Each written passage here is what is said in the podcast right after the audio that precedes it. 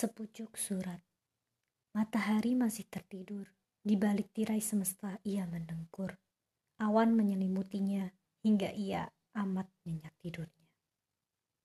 Kayuhan sepeda di bawah kaki langit, khas dengan pengendaranya, mempercepat lajunya menuju sebuah rumah di tepi danau. Dikirimnya sepucuk surat yang entah siapa empunya untuk pemilik rumah itu. Iya, hanya untuk pemilik rumah itu. Surat yang menguning itu dibukanya dengan syarat karena menua. Dibacanya perlahan dengan saksama. Disapukannya tisu ke pinggir matanya.